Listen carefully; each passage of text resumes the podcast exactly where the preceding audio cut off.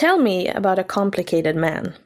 Muse, tell me how he wandered and was lost when he had wrecked the holy town of Troy, and where he went, and who he met, the pain he suffered in the storms at sea, and how he worked to save his life and bring his men back home.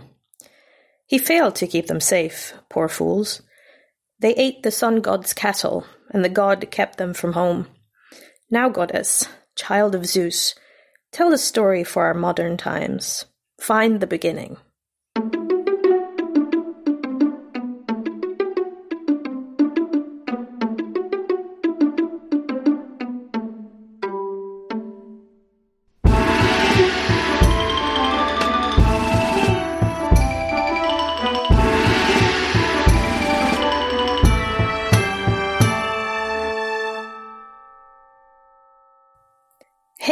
Och välkomna till Podius Castus, en podd om antiken. Idag med mig, Emily. Dagens minisnitt kommer att handla om ett 2700 år gammalt litterärt verk och om en 52 år gammal kvinna och professor. Jag ska prata om Homeros verk Odysseen och om Emily Wilson, professor i klassiska studier och hennes översättning av Odysseen, som är den första engelska översättningen gjord av en kvinna. Odysseen, det är ett epos, alltså en längre berättelse på vers, som tillsammans med Iliaden tillskrivs Homeros. De ska ha författats runt 700-talet före vår tideräkning, vilket gör dem till de äldsta bevarade grekiska och europeiska verken. De är också några av de äldsta bevarade litterära verken som fortfarande läses av en modern publik. Både Odysseen och Iliaden är skrivna på daktylisk hexameter, som är ett sextaktigt versmått. De är uppdelade i 24 så kallade sånger och innehåller ungefär 12 000 verser. Odysseen utspelar sig efter Iliaden, eh, och Iliaden handlar ju då om det trojanska kriget. Och huvudkaraktären i Odysseen, det är den grekiske hjälten Odysseus, som är kung av Ithaka. Det handlar om Odysseus och hans resa hem efter det trojanska kriget. Det trojanska kriget varade i tio år och Odysseus försök att ta sig hem varade ytterligare tio år. Och under sin resa så stöter han på många faror och alla hans besättningskamrater dödas.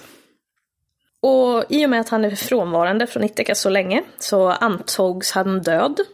Och hans fru Penelope och son Telemakos fick kämpa med en grupp oregeliga friare som tävlade om Penelopes hand i äktenskapet. Idag tror man att Iliaden och Odysseen skrevs oberoende av varandra och att händelserna var en del av en muntlig tradition som man sedan skrev ner. Under antiken så var det inte så många som kunde läsa, så det man skrev, det skrev man för att det skulle läsas högt. Några teman i Odysseen inkluderar eh, idéerna om nostos, återvändande, vandring, eh, xenia, gästvänlighet och sen test, att bli testad och omen.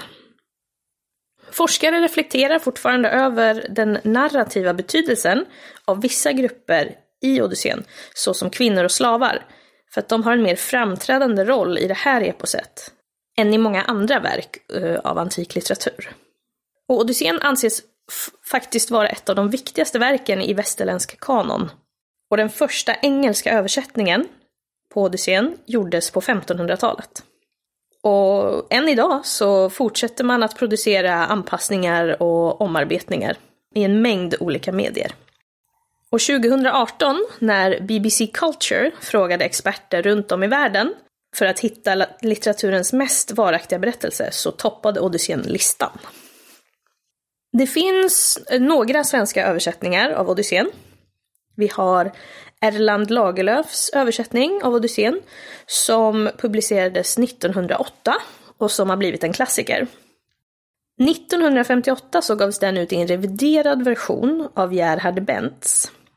Sen har vi Tord Bäckströms översättning eh, av Sången om Odysseus som kom ut 1975 Och sen har vi Ingvar Björkesson som gjorde en översättning av Odysseen som gavs ut 1995.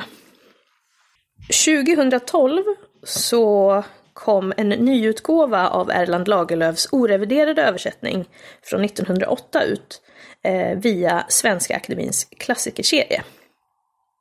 På engelska däremot så finns det över 60 stycken översättningar av Odysseen. Och som sagt så gjordes den första redan på 1500-talet. Dock så dröjde det fram till 2017 för att få en, den första översättningen på engelska gjord av en kvinna.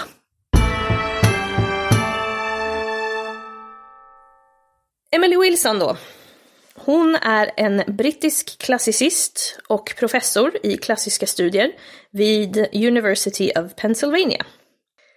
Och 2017 då så blev hon den första kvinnan att publicera en översättning av Odysseen till engelska. 2018 så utsågs eh, hennes översättning av New York Times till en av de mest 100 anmärkningsvärda böckerna. Och den nominerades även till eh, National Translation Award samma år. 2019 så fick Wilson eh, något som kallas The MacArthur Fellowship för sitt arbete och eh, för att ha fört klassisk litteratur till en ny publik. Trots att det dröjde fram till 2017 för den första engelska översättningen så finns det andra översättningar gjorda av kvinnor på andra språk. Anne Dacier publicerade sin franska version av Odysseen 1708 redan. Och sen i Italien så har vi Rosa Calecci Onestis översättning, som faktiskt är en av de som används mest i italienska skolor. Varför är det då viktigt med en kvinna som översätter litterära verk?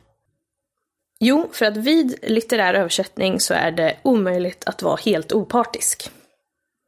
Om du ber två översättare att översätta samma text så kommer versionerna aldrig bli exakt likadana.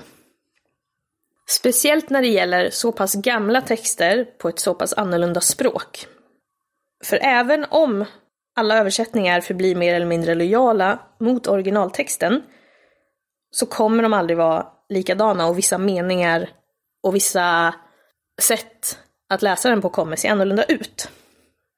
Och i och med det så kan en kvinnlig tolkning av Odysseen presentera den i ett annat ljus. Speciellt efter århundraden av manliga tolkningar. Vi har ett exempel. Det är i sång 4. Så minns sköna Helena början av det trojanska kriget. Och under åren så har Helena översatts som att hon refererar till sig själv som en hundögd, fräck och till och med skamlös hora. Och det var ett exempel på Robert Fagels översättning på 1990-talet. Men Emily Wilson, hon tar en annan tolkning av det grekiska ordet kunopis och presenterar ett alternativ.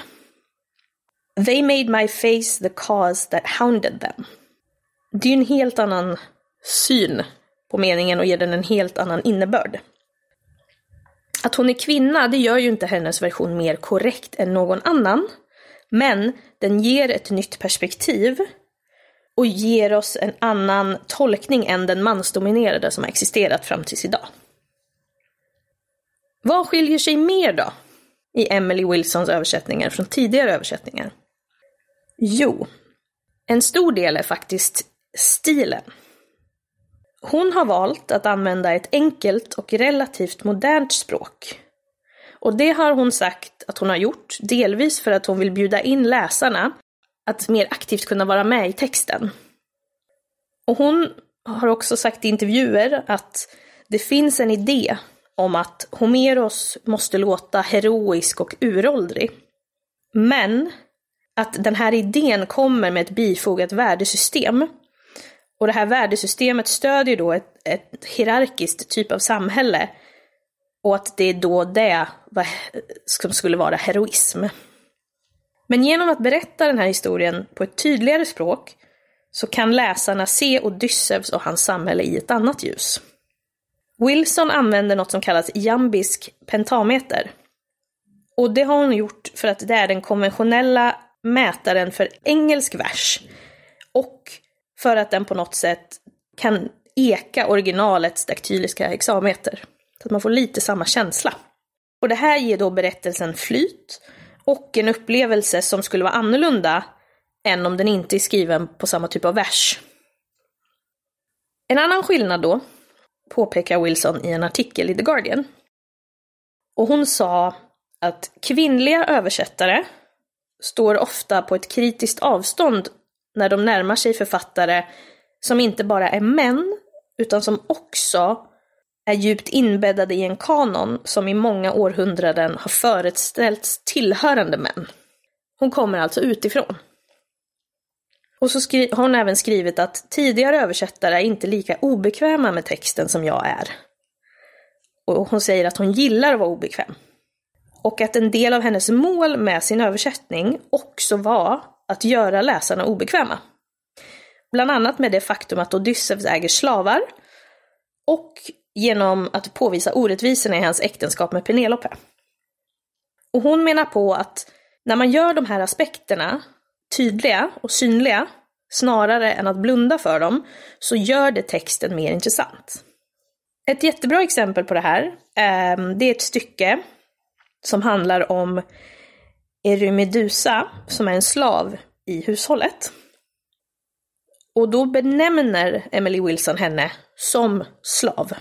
Och tidigare översättningar har inte nämnt, benämnt henne som slav alls, utan har använt ord som chambermaid eller nurse.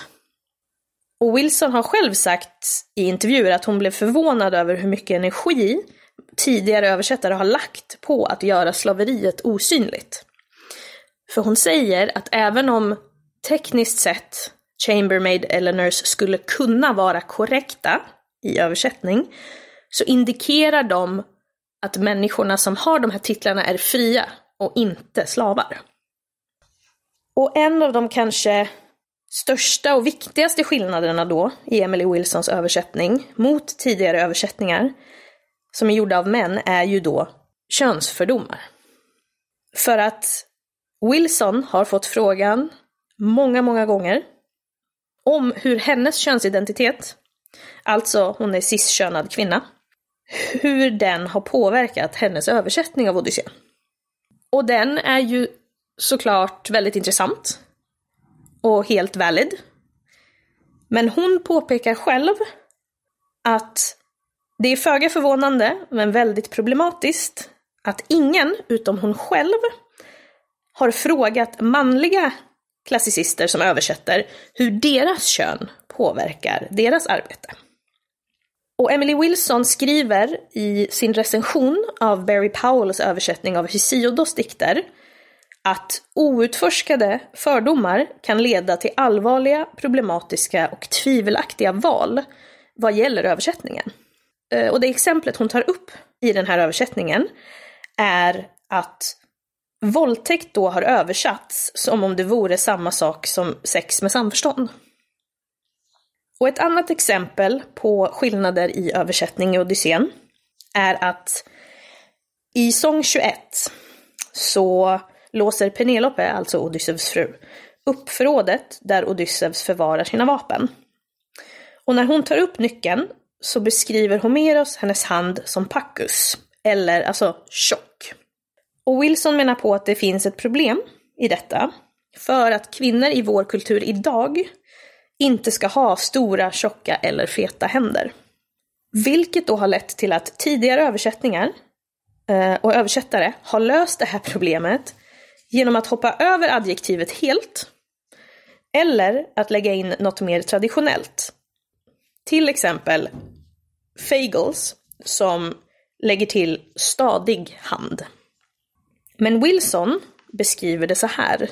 Hennes muskulösa, fasta hand tog upp nyckeln.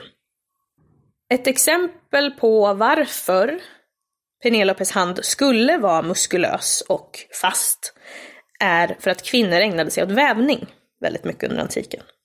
Och Emily Wilson menar på att vävning gör ju faktiskt eh, personens händer mer muskulösa. Och det hon vill med sin översättning, det är att hon, i precis som i originalet, ska peka på Penelopes fysiska kompetens. Och det markerar då henne som en karaktär som spelar en avgörande roll i handlingen.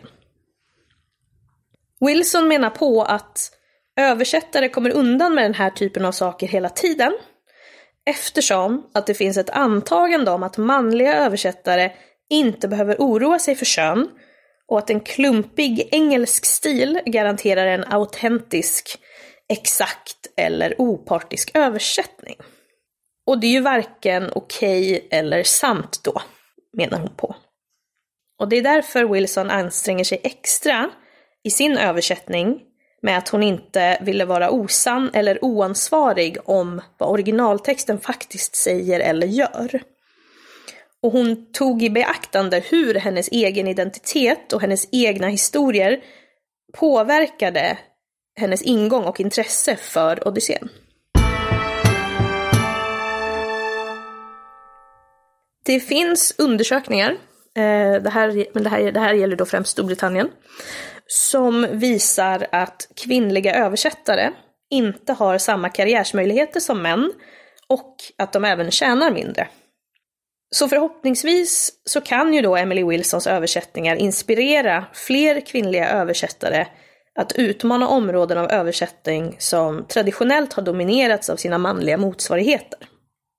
Och Emily Wilsons översättning av Odysseen visar ju på hur viktigt det är att titta på etablerade ämnen, forskningsområden och litterära verk med en ny blick från ett annat perspektiv. Och det visar också på hur mycket mångfald inom forskningen bidrar till ny kunskap och insikt.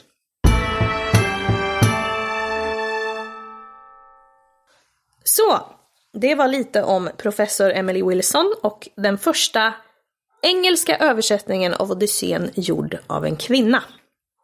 Har ni frågor eller kommentarer så kan ni mejla till oss på poddiskastus@gmail.com eller så skriver ni till oss på Instagram eller Facebook. Och med det så säger jag tack för idag och på återhörande.